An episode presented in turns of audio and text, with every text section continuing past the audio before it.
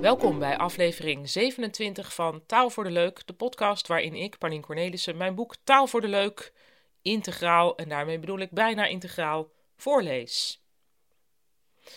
Nou, ik ga beginnen. Of door, waar ik gebleven was. En dit stukje heet Kapot. Hoe ga je om met dingen die kapot zijn? Dat zegt veel over de mens. Ooit speelde ik bij een vriendinnetje van wie de vader tandarts was en de moeder tandartsassistente in rusten. De tandartsassistente in rusten was glazen aan het weggooien. Zijn ze stuk? vroeg ik.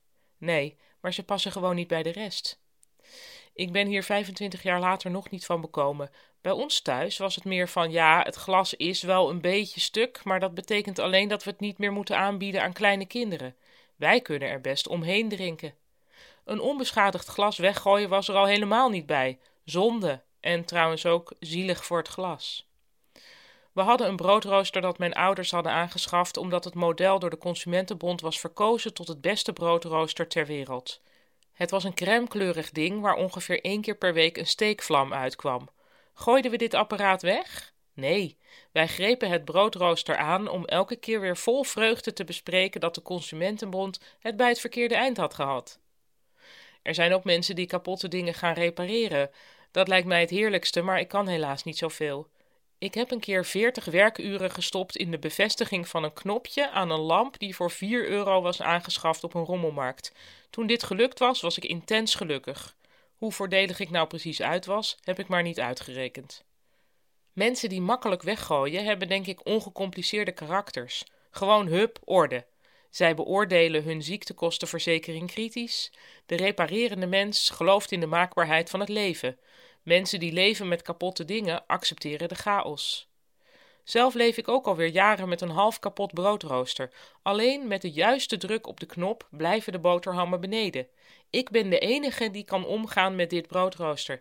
En dat heeft al iets. Als een temperamentvol huisdier dat jij alleen stil kunt krijgen. Dat op de mat plast als iemand anders het eten geeft. Kapot leuk. Ik hoor al een tijdje niet meer dat iets kapot leuk is. Dat was een tijdje wel zo. Gymnasiastjes die toch een beetje street wilden zijn, die zeiden dat. Hebben zij de hoop alweer opgegeven? Teen Spirit. Als pubers gaan stinken, worden ze ongelukkig. Tussen stinken en ongeluk zit geen oorzakelijk verband. Beide worden veroorzaakt door hormonen. Meer dan 25 jaar geleden kwam de CD Nevermind van Nirvana uit. Ja, generatiegenoten, een kwart eeuw. Het belangrijkste nummer op die CD was Smells Like Teen Spirit. Omdat het mijn lot is om elke trend te missen, had ik helemaal niet door hoe belangrijk dit nummer was en zou blijven. Ik vond het lawaai en ik speelde viool. Als je Smells Like Teen Spirit nu hoort, is het veel melodieuzer dan het toen leek. Veel liever ook, minder gevaarlijk. Het bijzondere aan Nirvana was Kurt Cobain, die zijn depressie rechtstreeks doorgaf aan zijn puberfans. Smells Like Teen Spirit zou je kunnen vertalen als het stinkt hier naar ongelukkigheid. Een paar jaar na het verschijnen van Nevermind ging ik in Amerika studeren. Iedereen liep daar nog altijd in een wijde ruitjesblouse. Iedereen droeg zijn haar lang en ongelukkig. In de eerste week dat ik er was, kwam ik erachter dat Teen Spirit een deodorantmerk is speciaal voor pubers in allerlei verschillende zoete varianten. Kurt bleek zich veel letterlijker uitgedrukt te hebben dan ik dacht. Prolijk. Omdat er kinderen mee aten, dacht ik, ik kook de broccoli maar goed door. Oké, iets te goed. In het water zag de broccoli er nog wel oké uit, maar eenmaal overgegeven aan de zwaartekracht vlijde hij zich neder, gelijk een stuk zeewier op een rots bij eb.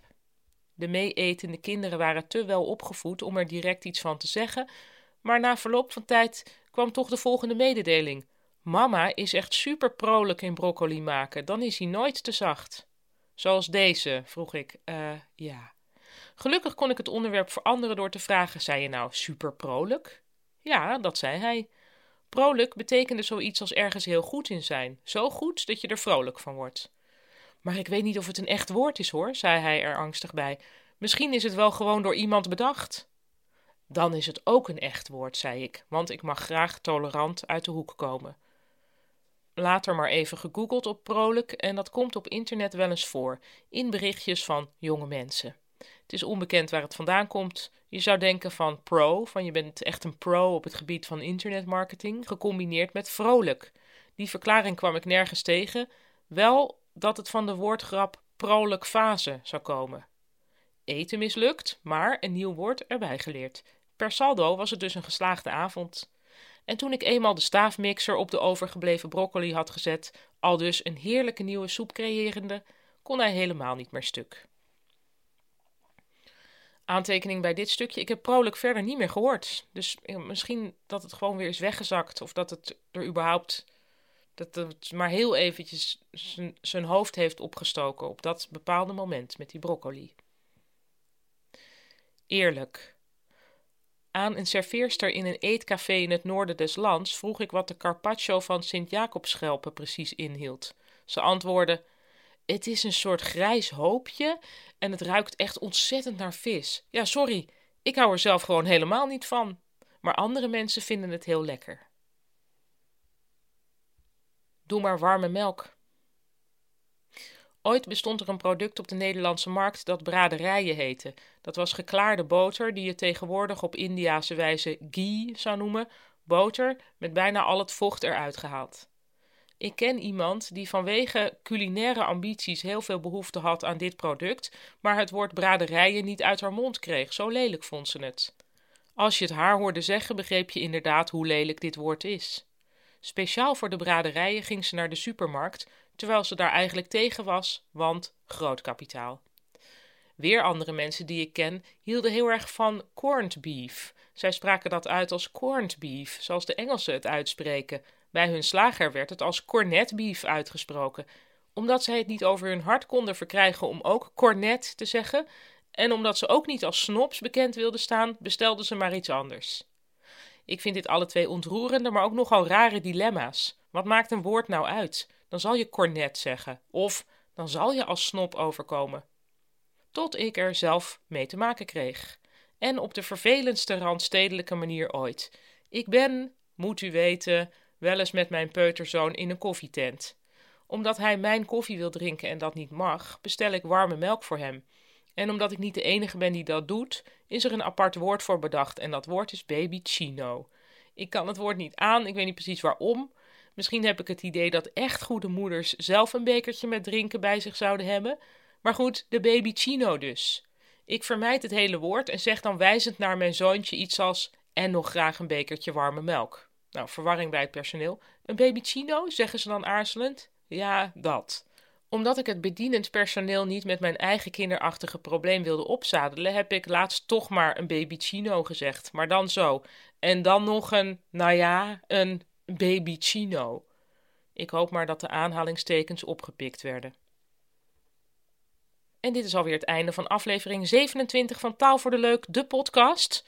Morgen is een bijzondere dag, want morgen komt de laatste aflevering van deze podcast online. Het einde van het boek. We zijn er bijna. Live vanuit mijn kelder. Tot morgen.